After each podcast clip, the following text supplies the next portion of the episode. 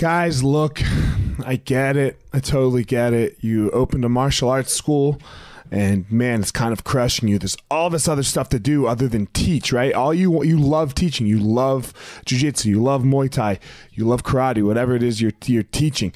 And man, but there's all this other stuff. There's there's the front desk. There's there's taxes. There's curriculum. There's cleaning.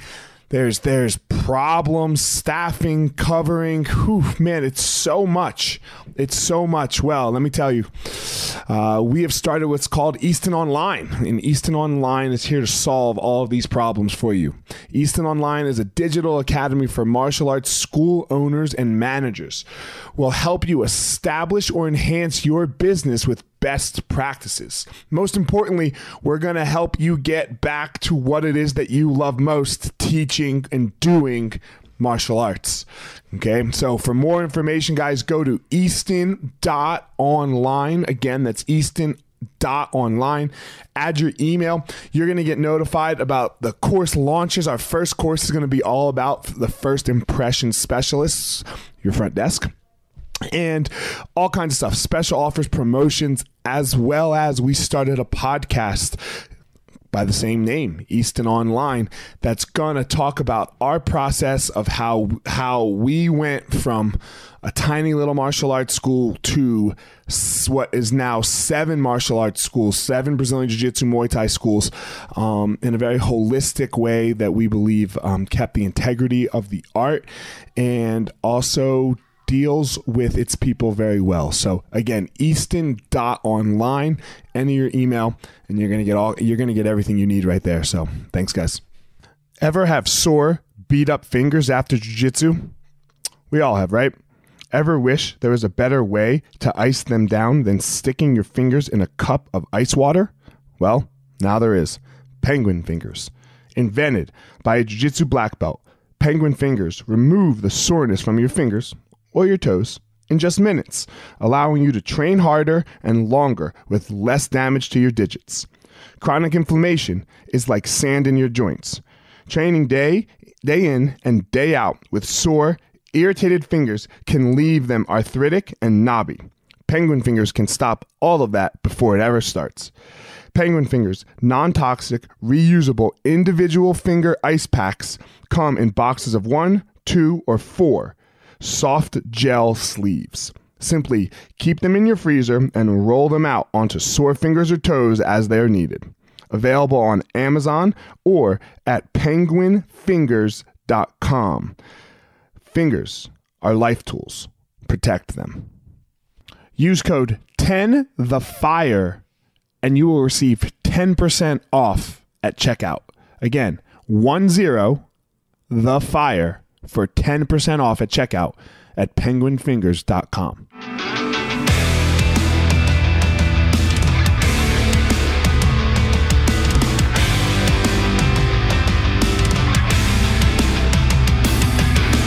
Hey guys, this is former UFC fighter Elliot Marshall, and this is the Gospel Fire, where we're going to go through the fire to learn how to live the best life possible.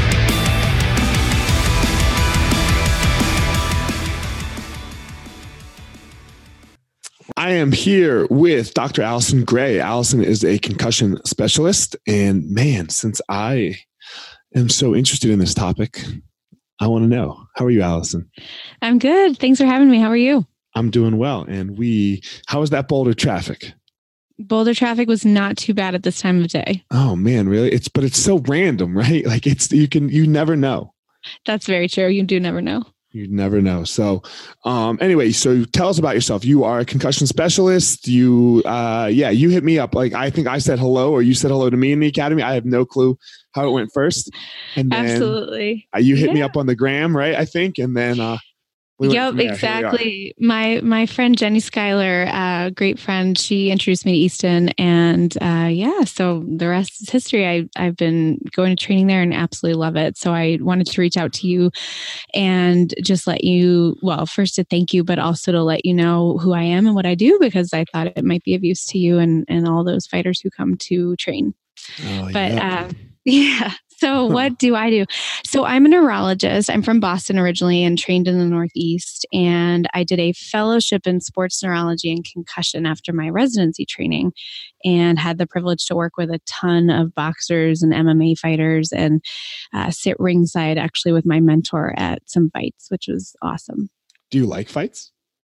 I do, which might sound very odd coming from a neurologist and brain injury specialist, but I do. I have a, a, ton of respect for people who go in the cage and the ring, and it's just wild to watch it from right next to the cage. It's crazy. It's so stupid. I, I, you know, it, it's so dumb. I, I, I still can't figure out why I'm even in this thing.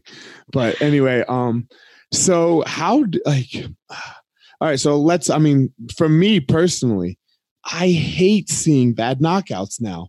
Like, I'm so soft in my old age. Like, even if my fighter is the one who knocks somebody out and I don't have half the information you have, how do you deal with yeah. that? It, I have to tell you, I mean, I get that same probably queasy feeling when I see whether it's the NFL and we're watching the Gator games. My, my husband went to UF, so he's a big Gator. Whenever I see a nasty, so are you Tebow fans? You you love Tebow? if I say I'm not, I'll get in trouble. I went to I went to college in Montreal, so okay, totally okay. different. The only thing they care about up there is hockey and curling. They don't care about football. This is true. Uh, but yeah, but yeah, um, I I have that same feeling when I see a nasty hit. Uh, there was a, a, nasty concussion not that long ago. Um, one of I think the Steelers quarterback. It, it happens Ooh. all the time. Ooh, that yeah. was ugly, right? That was so ugly. Really ugly. Randolph or Rudolph? Mason, Mason Rudolph, I think.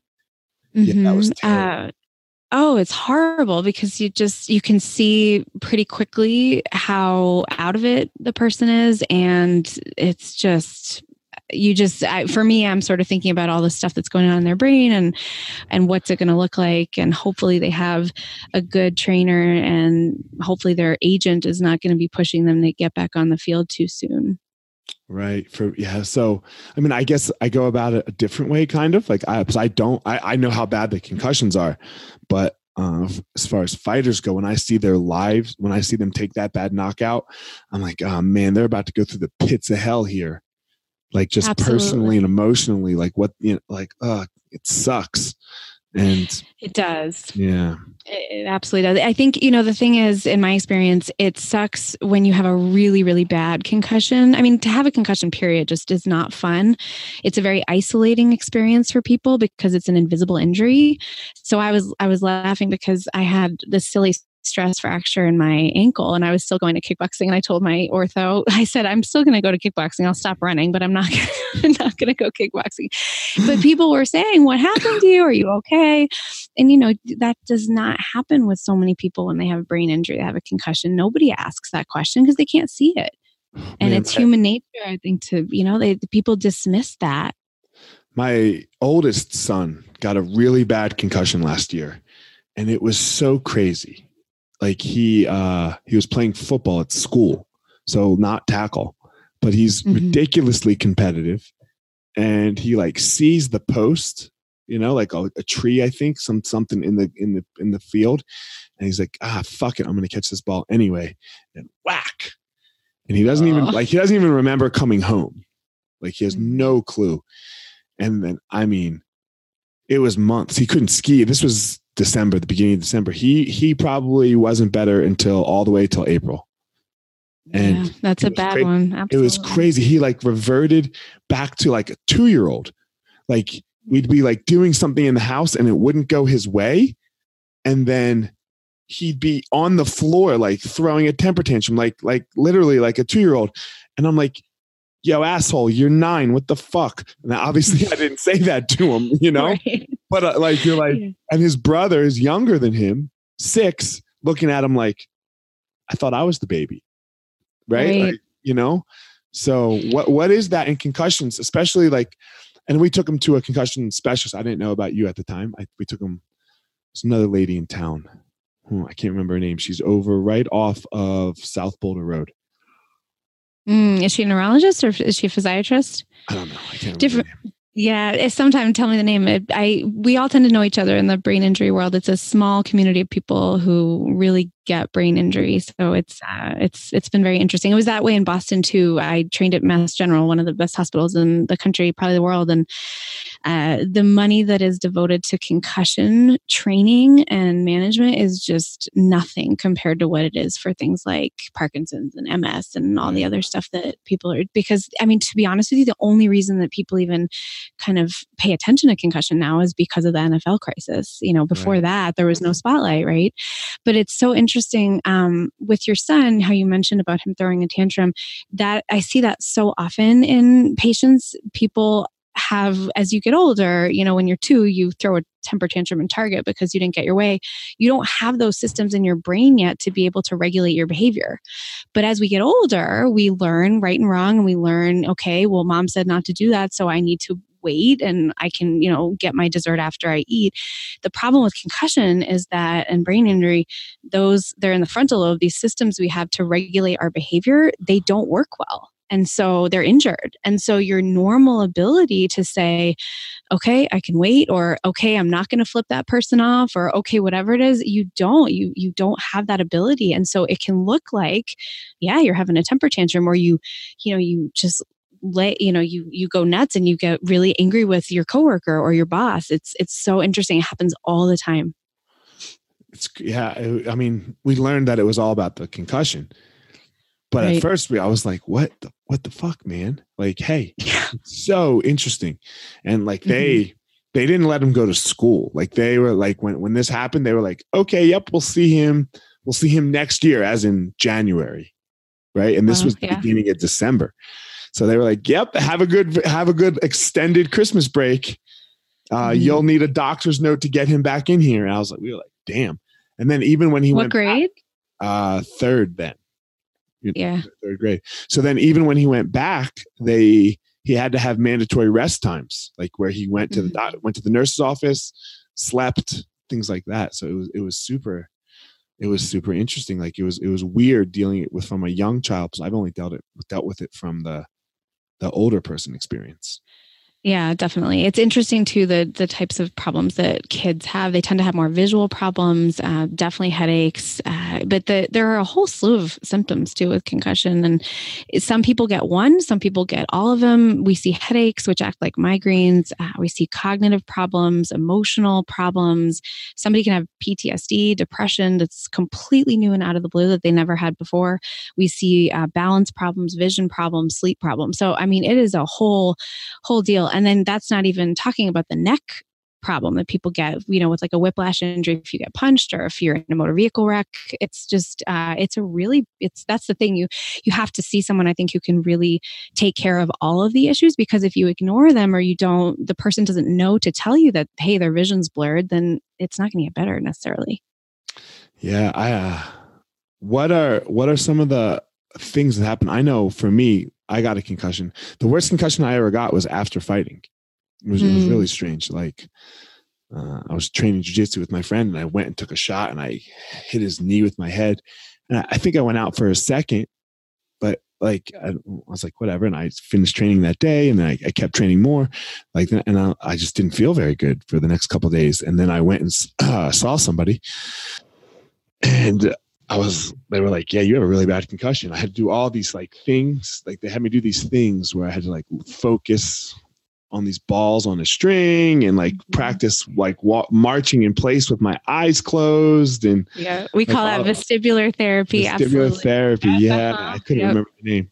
Yeah. So, but that, that stuff really helped. Why, what is it? What happens to the brain that, that we can't now focus and walk and do all these things?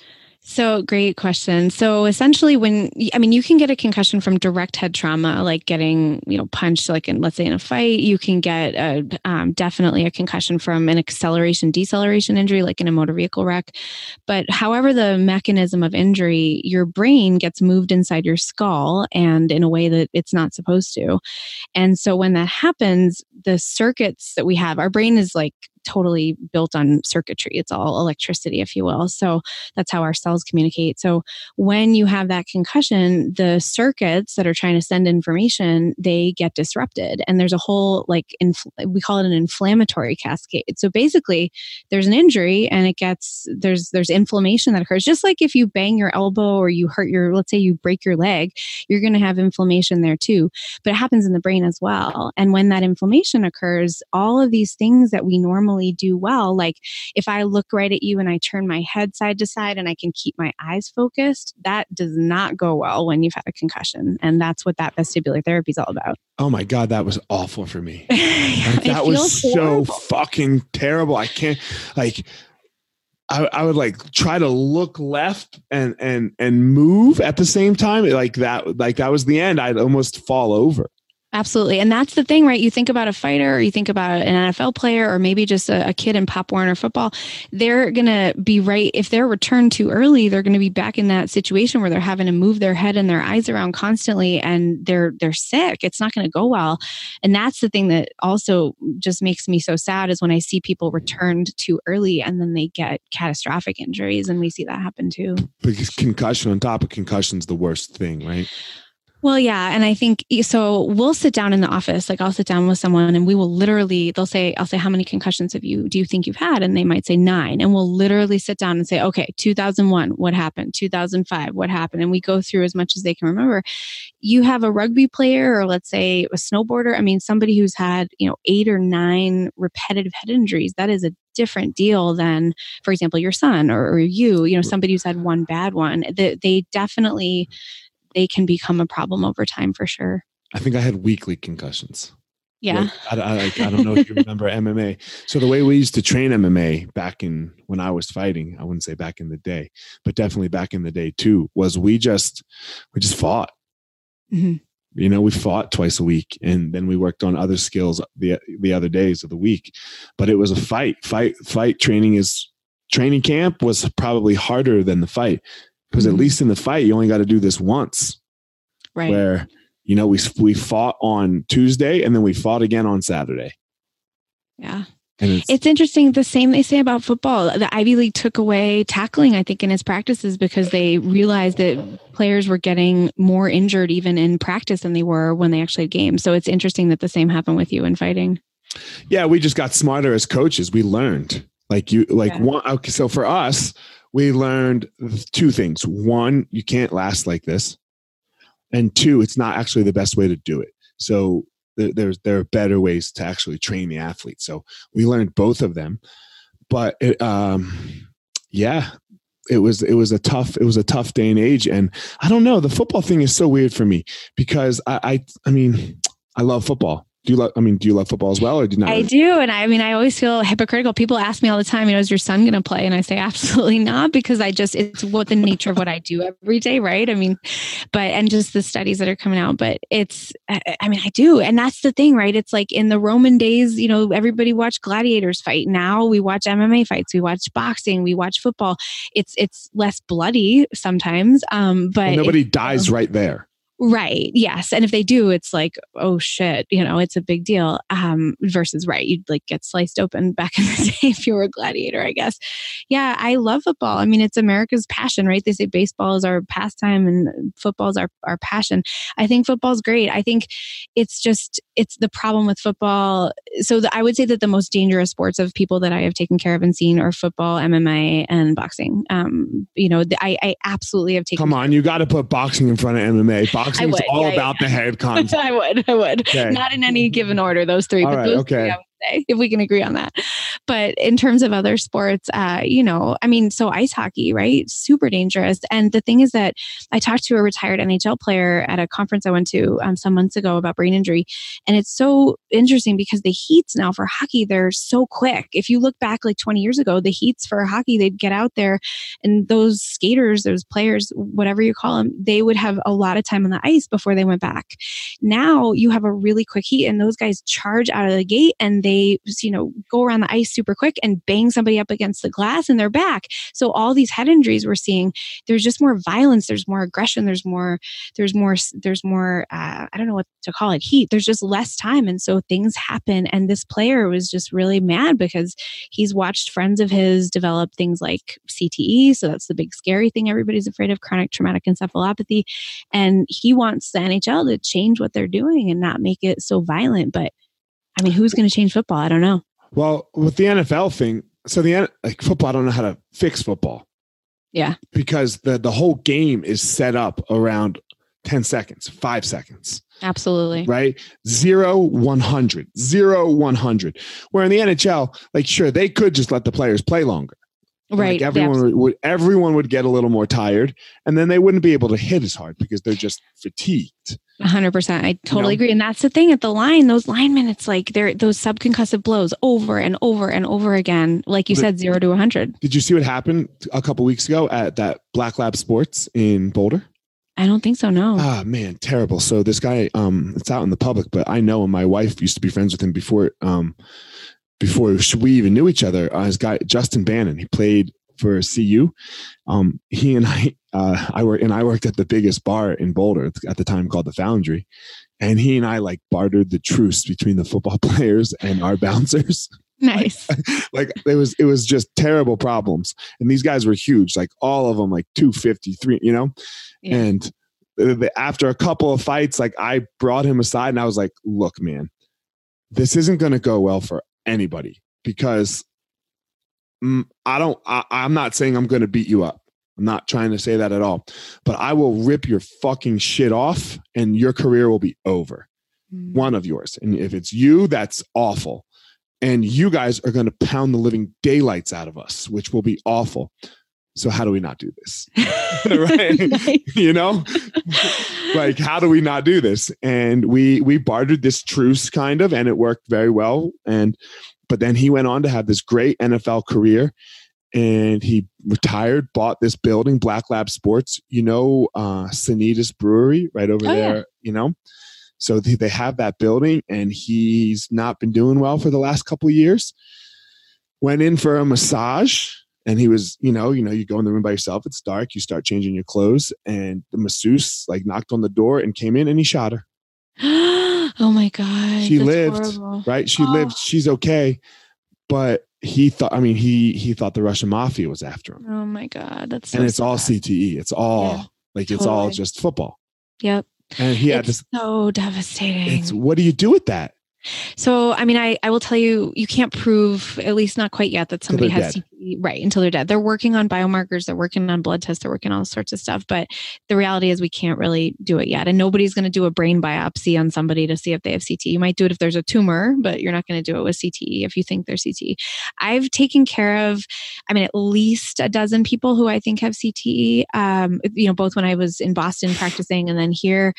Um, I mean, who are they? So it's a group. I mean, it's not always athletes too. I took care of a woman once who was just brutally assaulted for years by her priest. I mean, there are horrible things that happen to people that aren't even in athletics, right? But it's so a woman and a priest. Oh yeah, this. That's oh yeah, weird. it's normally boys and boy, priests are I really know, weird. I don't boys. even That's know. A, yeah. It was really right, messed strange. up, but it's, it's just sad. Yeah, what happened? Yeah. So this uh with like this retired snowboarder I took care of. I mean, he it's just devastating. He's in his early 40s and I mean he's just he struggles so much now. And these people that I've I've seen, I think, you know, what do you do with it? So, part of what we're doing, we can't cure it. We don't know how to fix it or how to reverse it, but we do know how to treat people for depression, treat people for headaches, treat people for cognitive problems. And I think a lot of these people, they don't get the help that they need. And their mood issues, like depression, become so bad, right? That they then or their paranoia or whatever it is, they then commit suicide. There are a lot of these players, they're committing suicide or they're committing like double, like a suicide homicide thing. There was a football player some years back who um, I can't remember his name now, but he shot his wife and then himself and killed them both. Um, I mean, just terrible stuff, horrible. Like, look at Aaron Hernandez. Oh yeah, absolutely. Like, I mean, just tragic. So I, man, so I mean, I don't know. This topic's been coming up a lot for me on my podcast. The the idea of free will, because I don't believe in it. I believe that we are uh, a we will make ev- any and every choice based on two things our life experience and our chemical makeup. And not that we don't make choices. Everyone gets all hung up on that, like we're not making a choice, but we we we could make no other choice than we do in any given moment. And if you if you repeated the universe, like if, if you copied the universe exactly and put them right next to each other, and I gave you the choice red red pill or blue pill right now, like the Matrix, you are you're gonna change. You're gonna make the same one in every universe because it's the same. Mm. So someone like Aaron Hernandez who did these awful things. I mean, I I know we have to remove him from society. Like right. that's for sure. But how much how much fault can we put on a guy like we we, we paid for this? Yeah. We, paid. We did. And then he, right. And that's the whole thing. People killing themselves or killing other people because they're brain damaged and, you know, essentially demented um, from things that we paid to watch them do. That's, it's really, and I, I mean, so the NFL, the NCAA, I mean, the American Academy of Neurology Sports Concussion Conference that I went to last, like in July, just a few months ago, there are people from the NCAA there. I mean, it's it's very very complicated because there's so much money in it, and right because so, they're they're trying to get rich, right? And they're getting totally. rich, and yep. they don't know any of these people. It's like sending people nope. to war, right? You know? Exactly. Yeah. They just send them out and they don't have to reap the repercussions of what happens to them 100%. And I think they're trying to be at least somewhat responsible now. They have the targeting rule, they have, you know, other things that they've implemented, like the Ivy League, the NCAA has, but uh, it's still you know it's not enough and i think here's the thing when i return somebody to the ring or i return somebody to the field or the arena or whatever it is i I have ended somebody's career. I've done that a couple of times. It's a very big deal. If it's certainly if it's like a professional boxer, it's a really big deal. And there's pressure and there's all sorts of stuff. But if you're going to do that, um, okay. If you're not and you are going to return that person to the ring, they need to know. They have to have informed consent about what the risks are of going back to the ring. So when I've had to end careers, it's because like there's something in somebody's head. This time that this happened, it was a boxer. He had a, a little vein in his head that does not look normal. And if he had gone back to the ring and been punched a certain way, lights out. I mean, so I can't, I can't in good consciousness return that person to the ring. Four boxers have died this year.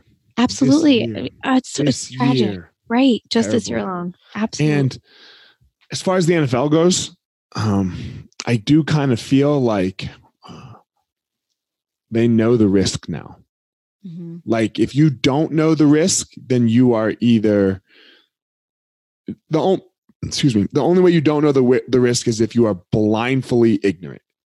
Yes, choice, I would agree with that. I would right? totally agree. Blindly ignorant. Mm-hmm. So I guess in my sense with the NFL, I I would say, you know, you're running it, man. Like you're running the risk. You know, you know, you you're running the risk of Junior Seau. You're running the risk of first ballot Hall of Famer, millionaire, and suicide. Like mm-hmm. you're which one which one do you want? And I know most of them probably say, I'm going to run the first ballot Hall of Famer one because there's only been like one or two suicides that we know of. Like we, we hmm. don't hear about it all. Like we know there's concussions, we know there's problems, but it's not like where everyone doesn't become Seau. Right. In, in, in a sense that they kill themselves. There are way more bazillionaires, or not bazillionaires, but multimillionaires than there are deaths by suicide from CTE. True. And it's, I think that as time goes on, we will see more and more CTE.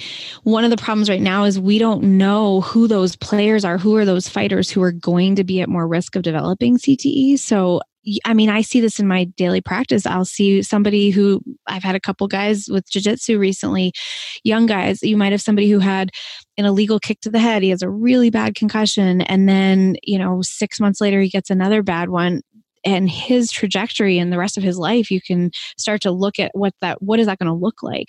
But i think with some of these guys getting repetitive head injuries Eh, like you said, they know what the risk is now. And if they don't know, their agent knows, or their team knows, their coach knows. Somebody is paying attention to this. But it's kind of like this well, we love the game, there's money in it. And these guys, you know, now that I think what's going to happen, right? The NHL's, or not the NHL, the NFL, whoever it is, they're saying, well, now these guys know. So if they're going to willingly know and go and play this sport and get millions of dollars, that's on them. I, I still would have done it. I know I would have. yeah.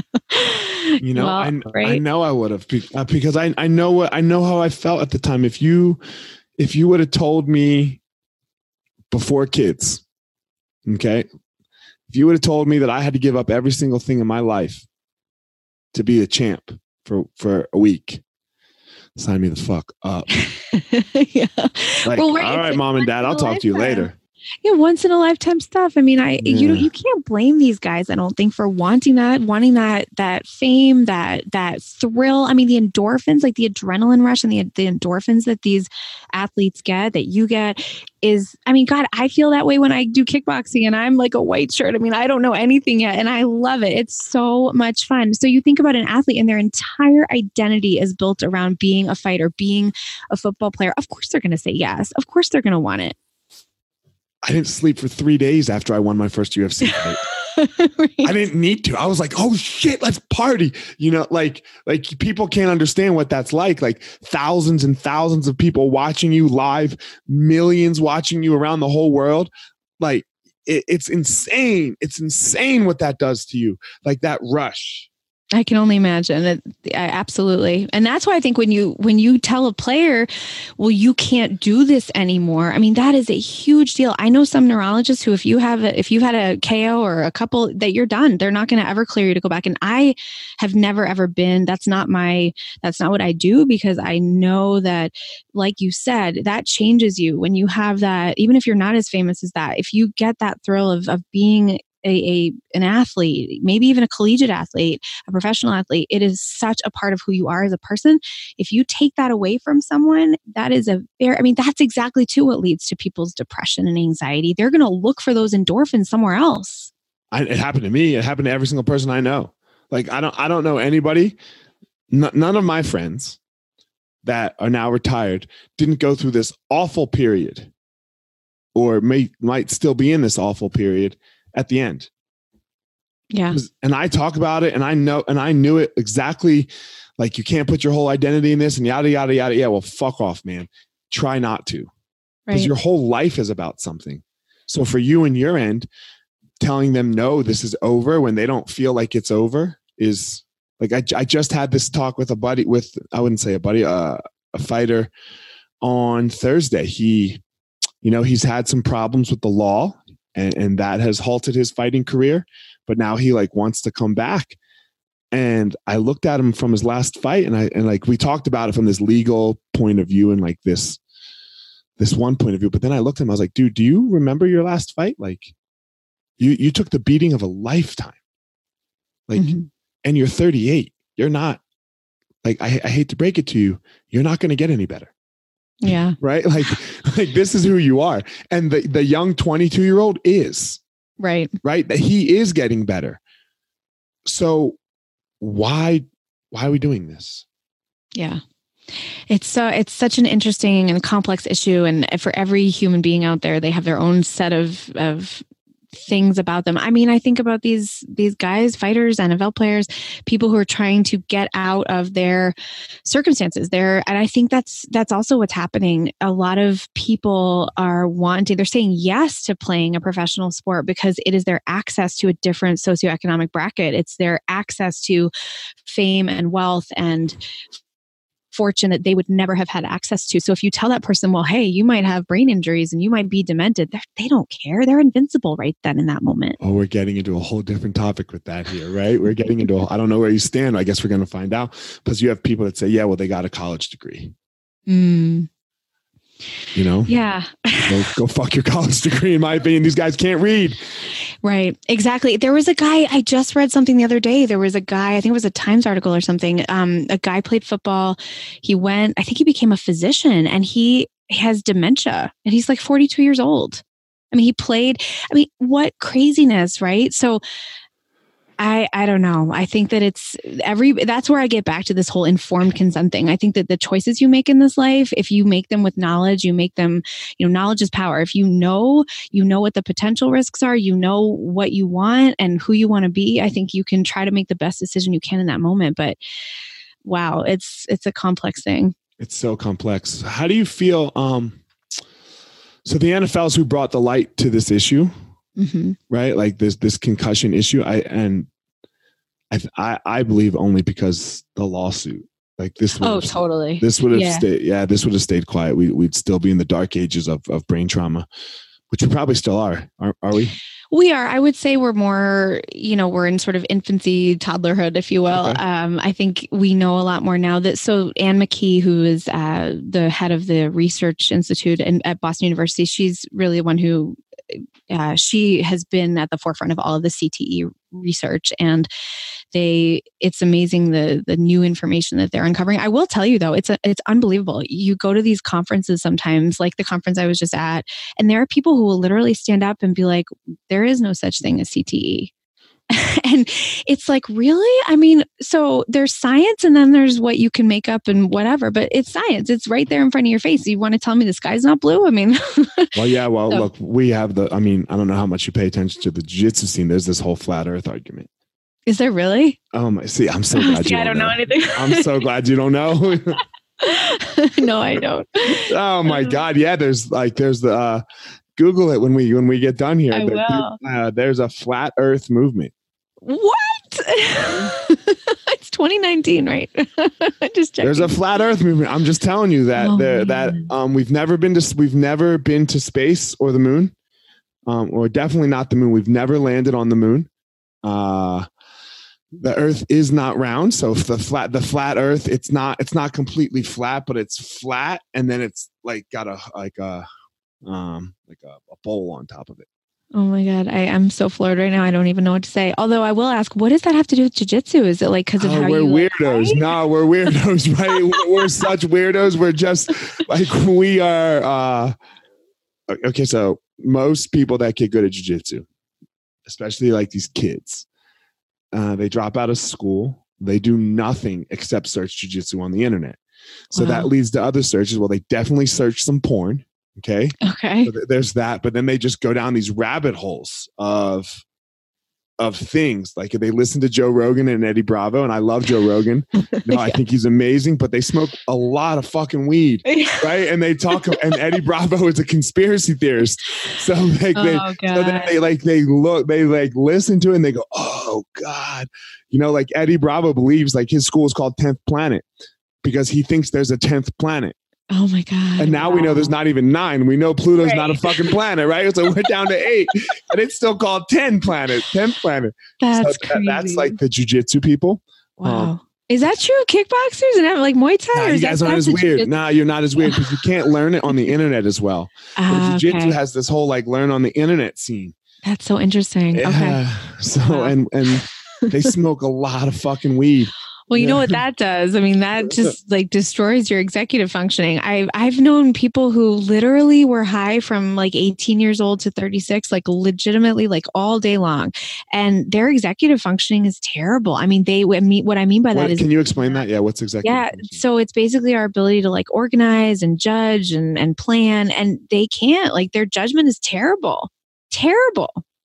And that's just from weed. I mean, so, you know, smoke what you want, like do whatever you want with marijuana. That's fine. But I mean, the people who are smoking 10 bowls a day, not very good, especially when your brain is developing. Like all these like 12, 14, 18 year olds uh, smoking 10 bowls a day, it's not good news. That's a whole nother topic. It's a whole other topic. Yeah, I know. I, it, it's, it's this thing. I, and I agree. We'll touch it for a little bit here. Like I, I think weed should be legal. I, I, I don't, I, th- oh yeah. I think all drugs should be legal personally. Like, um, the yeah, last get people out of prison. Oh, totally. Yeah. It's and the last thing I'm going to do if heroin if heroin becomes legal tomorrow, I'm not doing it.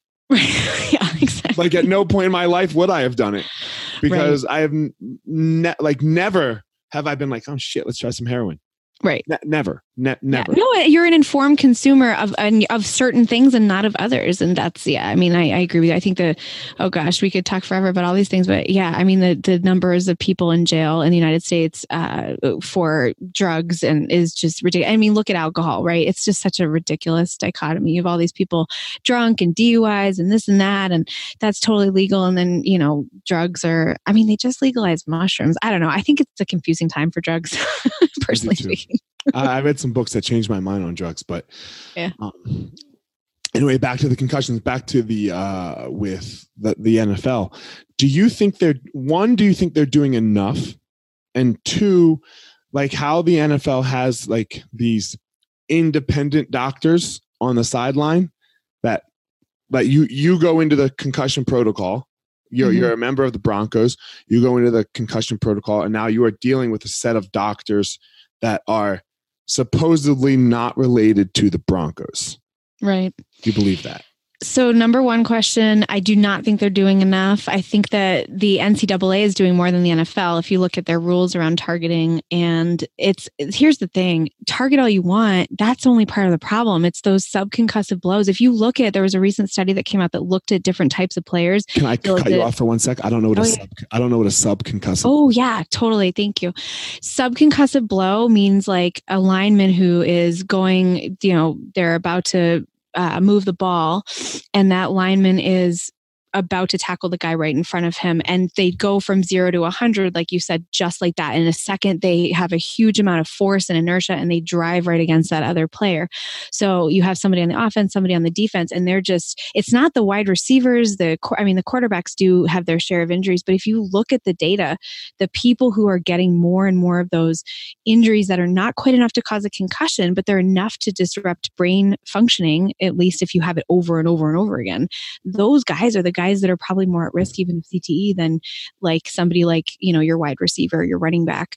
So my issue is like we were talking about before you know with hockey you can change that. With with football it's it's the way the game is played. So if you're going to still have the setup of the game be that these people are charging against each other with huge force over and over again that is going inevitably to in some people lead to things like CTE so I don't think they're doing enough. I think they're trying to not have people launch their heads and you know bend forward and launch their head at someone. That's great but I think there's so much more they could do. And and it would really take though it would take take somebody really looking at the game and kind of breaking it down and saying, you know, what is safe, what is not safe, what can we change, what can we not. So that's that's that first answer. Um, and then the second one, tell me the question again. I want to stick on that one for a sec before oh, yeah, sure. we go. Um, Okay, so oh, I know it's the independent doctors. I got it in my mind. I just had got, to. Okay, you got it. yeah. Um. Oh, my my kid's concussion doctor, by the way, was Julie Stapleton. Oh yeah, I know exactly who that is. Yeah. yeah. Okay. Um. So anyway, for example, I'm getting, I'm coming in to tackle you mm-hmm. in the NFL, and like, so how do we stop this? Because this is part of it. Um. I'm coming in to tackle you, and as I, as right before I hit you, somebody else hits you. I'm I'm targeting targeting you low, like to your chest. Mm-hmm. But now the force of that other person, this is my biggest question, I guess, with how do we fix the NFL? The force of that other person tackling you moves you down. So where it was your chest is now your head, and I am boom, and there it is. Mm-hmm. What what in the world can we do about that? I don't know. I and to be honest with you, I mean, I'm a consumer of football as a spectator, but I am not knowledgeable enough about the sport of football to know. I mean, my, it's funny. I watched with my husband, and he, you know, well, I'll be like, "Well, wasn't that holding?" And he's like, "No, that was not holding." I mean, so I, you know, I know enough about football, and I always am asking guys or gals, you know, what position do you play because that informs me about what their risks are to a certain extent. But you know, I certainly am one to know what I know and not what I and, and know what I don't, and I don't know enough about how the game is constructed and you know special teams versus offense versus defense and how plays are constructed to know what could you do. I mean if you had one guy always going against one guy and then you know like in elementary school where you cover that person i'll cover that it's just i don't think it works that it's way more, it's more on the quarterback i think. Yeah. Right? Um but here let's go over holding real fast just so you i love it. Yeah. So at any point if you grab uh, so outside of like the offensive line Mm-hmm. Okay. At any point, if I grab you and turn you, that's going to be holding. Got like it. If, if you do that to a non ball carrier. I got it. Okay. okay? You can yeah. always grab a non ball carrier. You can always grab the ball carrier and turn them. That's tackling. Right. Okay. Now, where holding gets really tricky is like the offensive line. What's holding and what's not holding, offensive, defensive line. Okay. Mm-hmm. You can never tackle. So if I ever tackle you, that's holding. Okay. Okay. That doesn't mean fall down. If I push you and you fall, that's that's not holding. But if I if I'm grabbing you and you and I throw you to the ground, that's holding. Okay. Now, other than that, you have to look at where the person's hands are, like the offensive lineman. Right. If I put my hands, shoulder pads, and in, I can pretty much do whatever I want except tackle. I can grab on, I can steer, I can do a whole bunch of things once my hands go outside the shoulders and I'm spinning you, like you get around me a little bit and I grab you, holding. Got it. Thank you. I love it. I'm Whenever you see a flag on a running play, just yeah. know it's holding and it's coming holding. back. Okay. I used to be like, Dad, how did you know? Yeah. You know, like when I was six watching football with my dad. It's so awesome. I thought he was a genius. Yeah.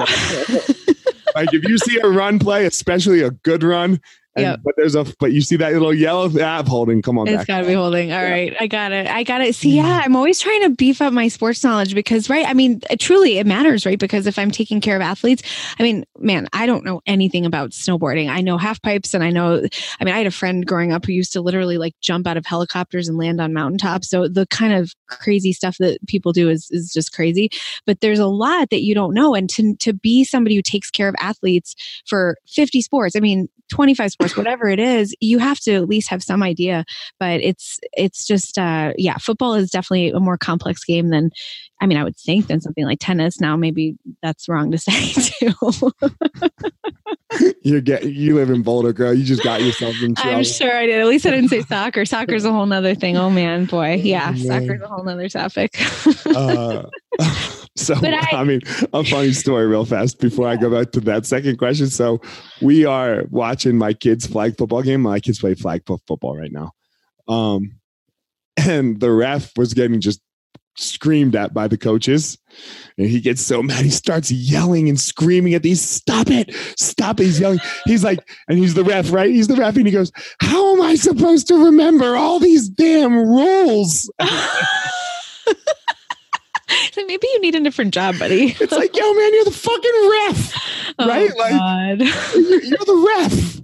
That guy needs a he needs a holiday or something. That's awesome. Like it's why you're here. If not, we'll do it ourselves. Right. Exactly. Oh man. That's All right. So my second question in there was um, the independent doctor thing. Yes. Do you think that those doctors are really independent? Oh, that is right. How do i i mean i don't have any allegiance to anybody here so i'm not going to get myself in trouble. I'm just giving you my honest opinion. Right. Meaning like i don't have any money in anything. Uh, it's disclosures we call them in medicine. If you you know you have to disclose who you who you get money from. I don't get money from people. It's just i don't know if the, if the Broncos or whoever the team is, if they're employing these people as independent doctors, great, okay. Broncos don't employ them but they're right. They're an outside group they're of doctors. outside yes, group sorry. of doctors that the NFL pays that money. Right, but, but they're like, not tied to the Broncos. But they're not right? tied to any individual team. Exactly. So, I mean, in theory, you have some objectivity because they are physicians who are not, you know, it's not like they're going golfing with the agent for a particular player, right? Uh, when John Elway was on the Broncos a million years ago, it, it, wasn't like his agent was talking, you know, it was a buddy of this doctor. That being said, you have all these docs who are a group of people that work with the NFL in general. And because of that, you have to always wonder then, well, who's paying them? So if the NFL is paying them, what is the NFL's what is what do they want, right? They want people to pay money to watch games. They want people to go to games. They want people to be, eh, you know, consuming as much NFL as they possibly can. And if you have a physician then who independently is saying, "Hey, look, man, you're you're done. You're you're out for the season or maybe you're out for 2 weeks or whatever it may be." That affects the money that these guys are going to make, right? Because maybe then they have to sub in the backup maybe they have to start looking for somebody else so i i don't know how you could actually say that these doctors are completely independent i, I think that it's if they're employed by the nfl then are they really independent and look for me i know i convinced the doctor into doing some bullshit well right doctors are people too right, right? And, i mean i played on the heartstrings. Like i was getting onto the ultimate fighter. I was i was down to the last set of tryouts and we had to go do all this medical stuff and the fights were taking place in las vegas and i sit down to do my eye test and the doctor goes okay take your contacts out. And i looked at him and i laughed. I was like take my contacts out. I mean all right well i'm not going to see anything. Right. Like i won't pass any vision test. And he's like well you have to be able to pass the vision test. Like no contacts in in Las Vegas. That's the rules. I was like, yo, man, like, no, I, I can't do that. So he like makes me take my contacts out and like I am pleading with him. I'm like, yo, this is my life. Like yeah. you don't get another shot at this. Like mm-hmm. this, this is it. Like the, this is it. Like this is it. It like I, I can't I can't stress to you enough.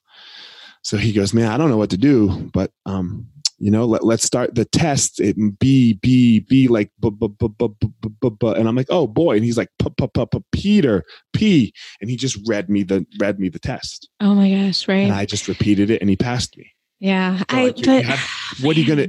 And. I, and I love. I don't even know that guy's name, but he would have like. Who knows what would have happened to me without that guy? right, So you right, have and some, s- yeah. yeah. Well, no, I just, I mean, I. I feel like if I was that doctor sitting in that room with you, I mean, right, this is your life, you know, and doctors have to abide by rules. They also have to be ethical human beings. My whole deal is I'm never going to put some like that's that's different, right? I mean, you you weren't like it's not like you had some like eye disease or you know you didn't have like a you weren't missing an eye i mean it's not it's different i think you know somebody needs help with something like contacts i mean i can't see past here. I'm like with my hand in front of my face i can't see anything if i don't have my contacts PRK girl, go get PRK.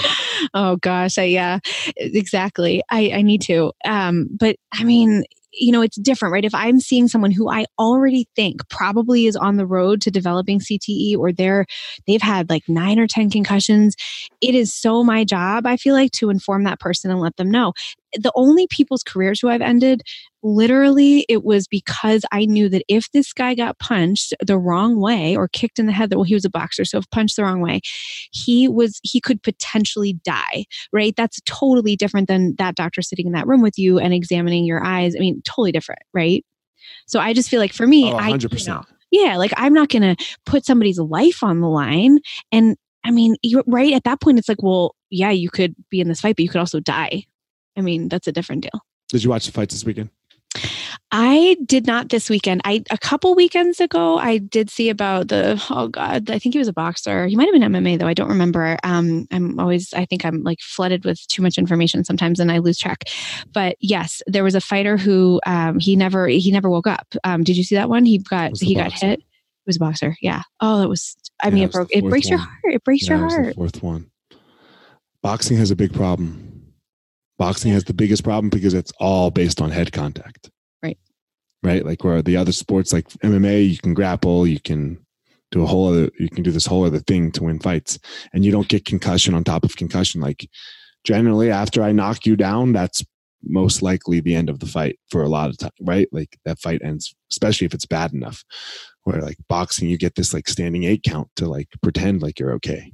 Right, which makes a difference. I mean, there there was a fight that we stopped. Uh, we called it because it was back in Boston, and the he, the guy got knocked out, and he looked like he was kind of starting to try to get up, and but he it was MMA anyway. We called it because he just looked terrible. I mean, he looked like shit. He looked like he was concussed. But uh, yeah, I mean, in boxing, it's right. Look at Muhammad Ali. I mean, he had dementia pugilistica. He was the very first case, probably, I think, of somebody who developed dementia. He developed like what looks like Parkinson's. It was horrible what happened to him. But, you know, he was a one, like he was a one case, right? And now you don't see a lot of that with boxers. You see more maybe CTE. You don't see that what happened to him. So it's like there was this Muhammad Ali happen, and then everybody's like, well, but that's just Muhammad Ali. Like, yeah, but else- everyone dismisses Muhammad Ali because he's Totally. the he's a top three athlete icon of all time. right, So like you change the world, but you got to do that. Okay, right. Totally. Like, And- okay, like but we'll, we'll, we'll all do that. We'll mm-hmm. all take. We'll, we'll all do that. Like so, I, I it's not the Muhammad Ali's of the world. He got to. I mean, like everyone's death is not gonna. Is everyone's death sucks. Yeah. You know, like so. Let's like we're sometimes I feel like we walk through life pretending like we're not gonna die. I I know I do. We all do. But Muhammad Ali's going to die too, no matter whether he had. So he didn't have Parkinson's, is what you're saying. Did I catch that? He did. I mean, so he had something called dementia pugilistica, which essentially, like Parkinson's, you normally get just sporadically. We don't really know why people get Parkinson's. People like uh, Michael J. Fox was a Right. totally different deal too. But um, most people, they just kind of get it because of bad luck. And someday we'll understand better. You know, it's genetics, it's environment, it's a lot of stuff. But somebody like Muhammad Ali, that was a very singular case of uh, somebody getting punched in the head so many times it it warped his coordination centers in the brain and kind of made it look like Parkinson's and he developed it. And under the microscope, yeah, I mean, you'd probably see Parkinson's features. So, you know, everybody's scared. I mean, they're scared of Parkinson's, they're scared of Alzheimer's. I see so many patients, so many fighters, people who say, well, am I going to get dementia? Am I going to get CTE? And we, it's a whole conversation, but it's just, uh, it's growing, you know, it's growing. There are more men than women for sure. I will tell you too, one of the scariest things, there was an 18 year old kid, a high school kid, and his parents didn't, uh, they didn't tell us what his name was. They didn't identify him by name because they wanted to keep that information private. He was 18 years old. So he's a John Doe and he had CTE in his brain. He, he died. I mean, 18. Fuck. Right? Yeah, it's awful. It's awful for you. For you people wondering if you're getting any of these diseases, don't read Dr. Seuss to your kids. like this killed me. like I first retired and tried to read Dr. Seuss. Like I, I, I like went and had a brain scan. I'm like, yo, doc. Like I have a good friend who's a doctor. I was like, yo, I'm not okay. Yeah. Do a brain scan. and I was I'm fine, right? Just Dr. Seuss is a little tricky. Dr. Seuss like kind of tricks you. It Everyone. You but it was right when I retired that I was having oh, kids oh, and no. reading Dr. Seuss. So it like oh, fucked with me. Right. You oh. know?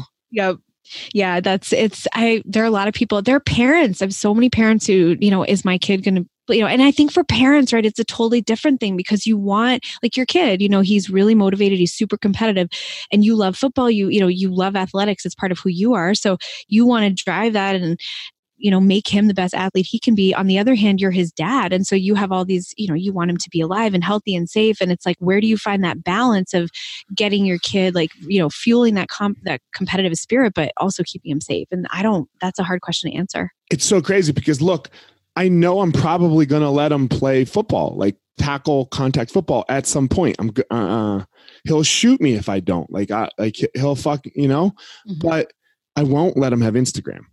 Yeah. Because because I know how awful Instagram and Snapchat are for a young developing brain as well, right? Oh, like yeah. and none of none of the creators of these apps let their kids have them. Right, Not a right. single one, right? like the people, nope, you can't do that. I'm gonna sell and make millions, but not for you. Not for you, yeah. Right, like for their kids.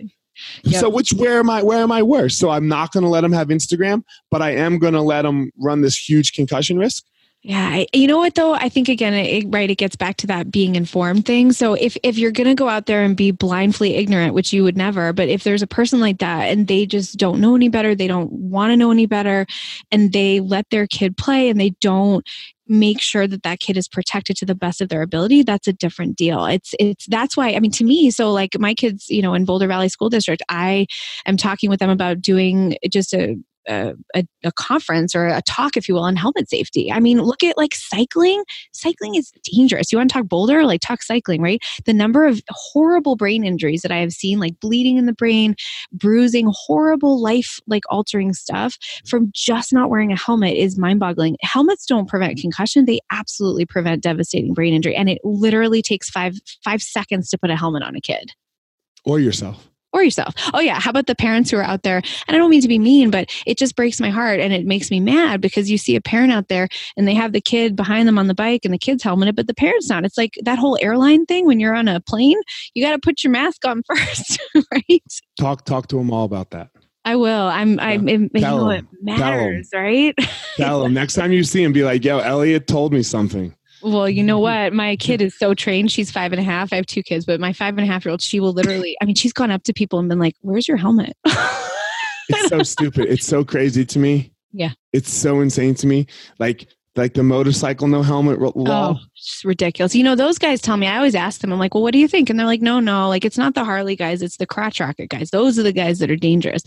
I mean, I won't even, the kind of stuff I've seen, it's just like, it's it's so so sad. The people i've seen people beat to almost death who've had horrific brain injuries and that you can't always prevent. I've seen people um, yeah so like assault falls motor vehicle wrecks um, ath- you know athletic events. It's the it runs the gamut. I mean it's the most like ubiquitous injury. It is everywhere. And that's why to me we need to be training more people to know about brain injury. But i will tell you that in my experience there are just very few people around who are interested and who want to learn about it because hey you can like learn about Alzheimer's, you can learn about, you know, Parkinson's, but th- we need people to know about concussion.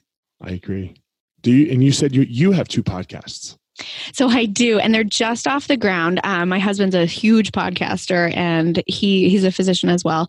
He, he has a media company. It helps pre meds get into med school. I have two podcasts which are now devoted to concussion, and they're just like in their very very much infancy. But one is called Heal My Concussion, and that's aimed at helping lay people like anybody just learn about concussion. Maybe you had a brother who had a concussion you just want to know more about it. So breaking down concussion at every level all the symptoms uh, the you know data driven evidence based stuff I, I always like it's like that flat earth thing right? To me it's like where's the evidence? Show me the evidence. Go look. I'm gonna go look, look. go ahead. crazy. just google it. I'm gonna google, google it. it. They have science and everything. It's crazy pants they have yeah. But I yeah mean, but so, you know that there's no climate change either, right? Oh so. Oh yeah. I mean, I respect people's beliefs about things. You know, you want to believe what you will, but I mean, if you completely reject science, like, I just, to me, that's kind of rough, you know? mm, mm. So, so hold on. I'll give you the argument against. Are you ready? Okay. so we used to be told that fats were really bad for us, and now they're telling us that they're good for us. So why should I believe science? Oh, God. Oh, yeah, but you know what though? I mean, you could go out there and buy any book in the in, on the internet in the bookstore that tells you that you must have this diet, and if you don't have this diet, you're going to be like old and and sick and messed up for life. I mean, I like I have a I have Crohn's disease. My gut doesn't work normally and you know that's fine, but I ask my own doctor like what should I eat? She has no idea. Nobody knows what you're supposed to eat. I'm just telling you the science said fats were for bad and now they say they're good. So why should I believe them about the oh, about the climate change? It's so painful. um so you had that was your one, and what was your other podcast? So concussion care. So the other is for people like healthcare providers, essentially. Okay. So um, I want people to know, you know, if you're if you are a patient, if you're just if you're an athlete and you want to learn about concussion, there's Heal My Concussion. Concussion care is for like your family medicine doctor, your primary care doctor, somebody who wants to have, you know, and and the reason they're split up like that is because it's really important to me that anybody I see knows that I'm going to listen to them and meet them on their level, right? If I see like an 18 year old MMA fighter versus I'm seeing like a 65 year old professor, like I'm going to, I, you know, I talk to, I read people, like I talk to them at their level and I meet them where they're at. If you're going to try to be like some fancy doctor looking down on people with your nose up in the air, like you're not going to provide good care to people. You got to listen to people, you got to meet them where they're at. So if I'm going to talk a whole bunch of medical jargon to somebody, that's not helping them. So that's why to me it's important, you know, you have two different two different groups of people if you will. I got it. Makes sense. How how long have you been doing it? Podcasting i mean so i was a guest on my husband's i've been a co-host a guest whatever you might call it um, probably more of a guest if you ask him um, on his podcast the pre-med years for years now. He's in his like 350th episode or something oh, like that. yeah. Yeah and he has eight so he's a big podcaster and uh, i've been a guest on his. If you if you listen to me the very how the fuck does he have time to have eight podcasts? I have two. Well sometime you can come over check out our recording studio here. He is like i mean he's really, really, really um, he's into it. You know, he's a he's a consultant. He gives talks around the country. He is he's on his fourth book now, um, all about helping pre meds get into med school. And then he is he is eight podcasts. I don't know. He's he's very driven, like you, like very busy guy, very driven. Um, you know, not an athlete. He played baseball. He was in actually, you know that movie Fever Pitch. You ever seen? Fuck yeah. Yeah, he threw the ball that hit Drew Barrymore in the head. No way. He gave her a concussion. Exactly. so we got to meet all those guys like Drew Barrymore and Jimmy Fallon, and they kept saying to him because you know he's not a professional baseball player; he sure. played men's league, and they invited them to be part of the movie, and so they kept saying, "Throw harder, throw it harder." so he's Fuck trying yeah. to like pitch the ball. So yeah, it was. He said that was super fun. I didn't know him then yet. Uh, we met in med school. Okay. Anyway, yeah. So podcast, has he monetized his podcasts? Um, so he does have some sponsorships. Um, he's gone, you know, back and forth about ads and sponsorship over the years. I think, like right now, for example, he has a medical school, and they who does actually, um, they, they're a sponsor of one of his podcasts. I think he tries to be very um, selective about kind of what he does in that regard because he wants to be just doing things that are both um, good for the business but also that are not just like oh like let me get a whole bunch of money from silly ads like that doesn't that's not good in his mind, if that makes sense. So I go back and forth with it like like Joe Rogan. That motherfucker makes bank. That motherfucker makes seven million bucks crazy a year off his podcast. Right. Right. So yeah. I mean, so what I don't ever want with my thing that I'm doing here is I don't want anybody, I don't want you to pay me. I don't want like Allison Gray to pay me. Like I don't like that idea. Um, mm-hmm. I have my businesses. I don't I don't even think that I, I don't I don't even like to say that I get paid to teach jujitsu. Mm-hmm. I get mm-hmm. paid to take you on a life changing journey. Yeah. The vehicle's jujitsu. Totally. Right? Like the, or or Muay Thai kickboxing. Like the vehicle's martial arts. I you don't pay me to teach because I don't take a dollar to teach ever. Mm-hmm. Um, I take money for other things, and that's the same thing with my podcast. I don't want like I don't want my buddy's company who's like trying to get his. I have some ads on the beginning of my podcast, and nobody pays me. They're just my buddies. Sure. you know, that's cool. Yeah, yeah. But I do. But the pod, podcasting costs money. It does. Oh my gosh, all this equipment. Like I'll yeah. look around, I turn around, I'm like, what did you buy on Amazon? He's like, it's yeah. for the business. It's for the business. right. Well, my, my wife is like, hey, so does anything ever come back for the business? well, that was my biggest question to him when he started this so many years ago. He started because all these airmen, he was in the Air Force, he was a flight surgeon, and all these airmen kept coming up to him and being like, hey, how do you get to med school? How do you do that? And he just started providing advice. And then it kind of organically developed into this business that he created. And he left the Air Force after five years and wanted to become an entrepreneur. And that's what he does now. And he doesn't practice anymore. I do. I practice medicine every day, but he he's an entrepreneur and he provides value in other ways. But it's just it's very it's very interesting. His idol actually he listens to Joe Rogan, but he loves Gary Vaynerchuk. You know Gary V. Fuck yeah, I love Gary V. Hell yeah. yeah. I love Gary V. He, like he'll be like, hey, listen to Gary Vee. You got to listen to this episode on the way to work. Okay. Just listen. To, I'm like, all right, all right. I love Gary Vee too. I mean, he's like, he's an inspirational guy. I just love is do you do, do what you do, do what you want. Yeah. Right. Totally. Like do what you want. But like, I think people fuck this up all the time because, uh, I just did what I wanted my whole life. I've never done what I didn't want. Yep. But when it comes down to doing that, if that's what you want to do, whew, you got to work. You do. I mean, it's really like work. brick at a time, a day at a time, a dollar at a time. Like it's, yeah, I've seen my husband do this just as his wife. And it's, um, I mean, I have so much respect for that, for that, just that entrepreneur, that, that driven, disciplined, motivated. Cause I always said, like, I'm a doctor, like, give me a set of instructions to follow. I will follow it. Like that's, I was always like a rule follower. And like, you tell me to, you know, do round kicks, like I will do them. You tell me what to do, I'll do it. Um, but my husband, like, it's like you, you know, you're very self motivated. You're very, and you're creative. That's the other thing about an entrepreneur that I think is so interesting. It's like there's that creativity. And for me, I like, I'm starting now with this podcast. I just, I want to provide value, but the creative piece of it, I think is very, you not everybody has that you just have to for me i just have to go like some people like scroll instagram and i definitely scroll instagram but i scroll instagram for ideas Mm-hmm. Like I don't yeah. scroll Instagram for chicks with big butts. Right. Or likes. Like, you know how yeah. Instagram I heard is going to get rid of likes because people just sit around. Yeah. I mean, like that's pretty wild. It's, it's thinking about it. Because people, I guess, put out content and then if they don't get 50 likes right away, they take it down, which is right. like, you got to be confident. You got to put something out there, be confident what you said. People fuck this up. It's not that. Like everybody wants to go viral you know? Mm-hmm. just like i want to train a world champion. The best way to train a world champion is to make your door accessible to as many people as possible. Mm-hmm. if only 50 people walk in the door your odds just like the random odds of getting a world champion are so small.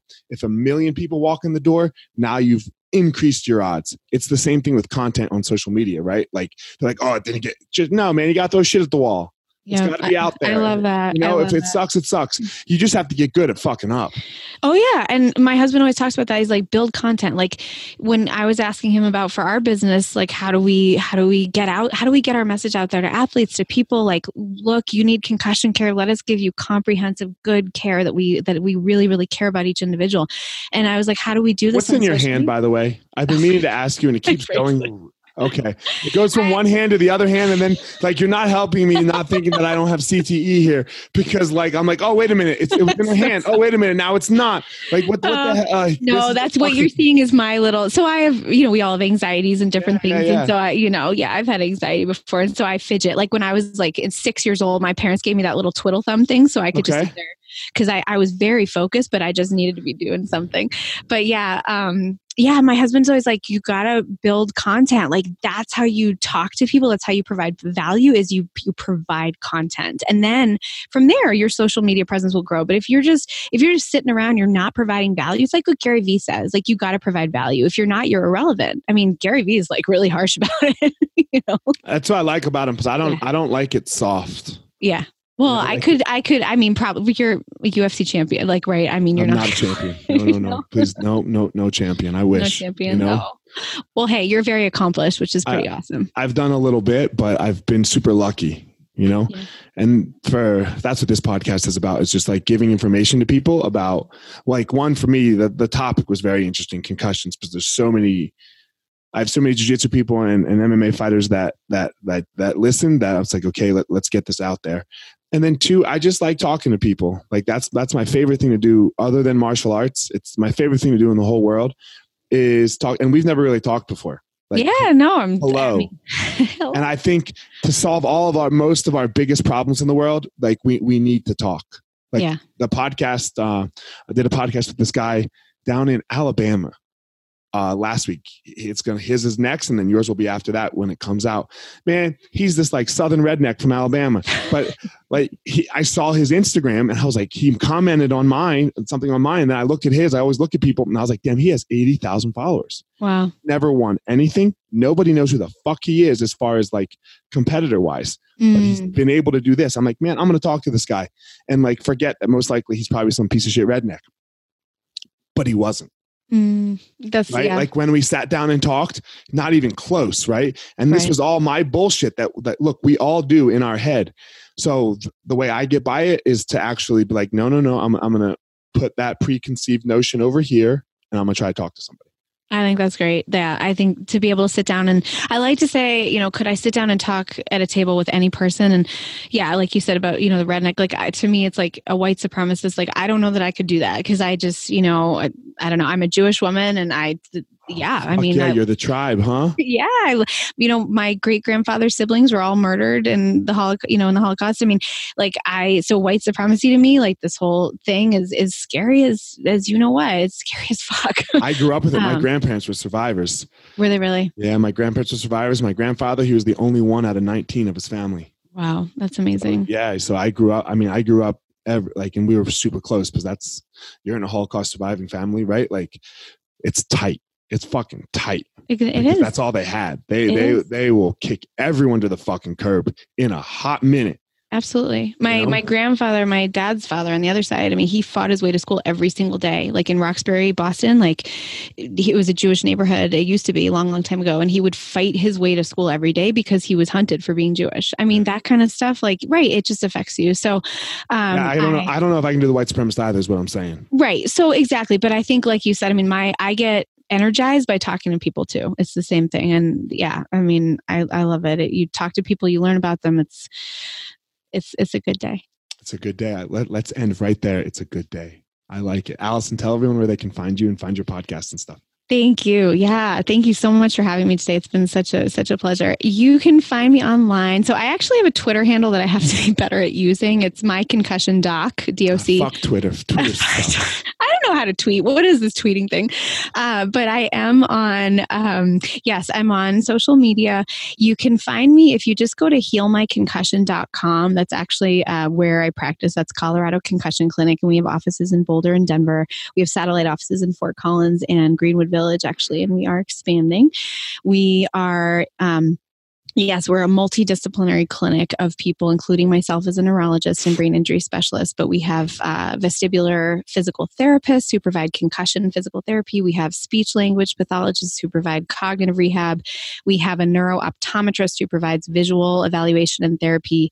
And we have just a wonderful group of people who, oh, an athletic trainer who's just amazing. So, a really, really good group of people, I think. And I feel very privileged every day to work with them. So, healmyconcussion.com is our website.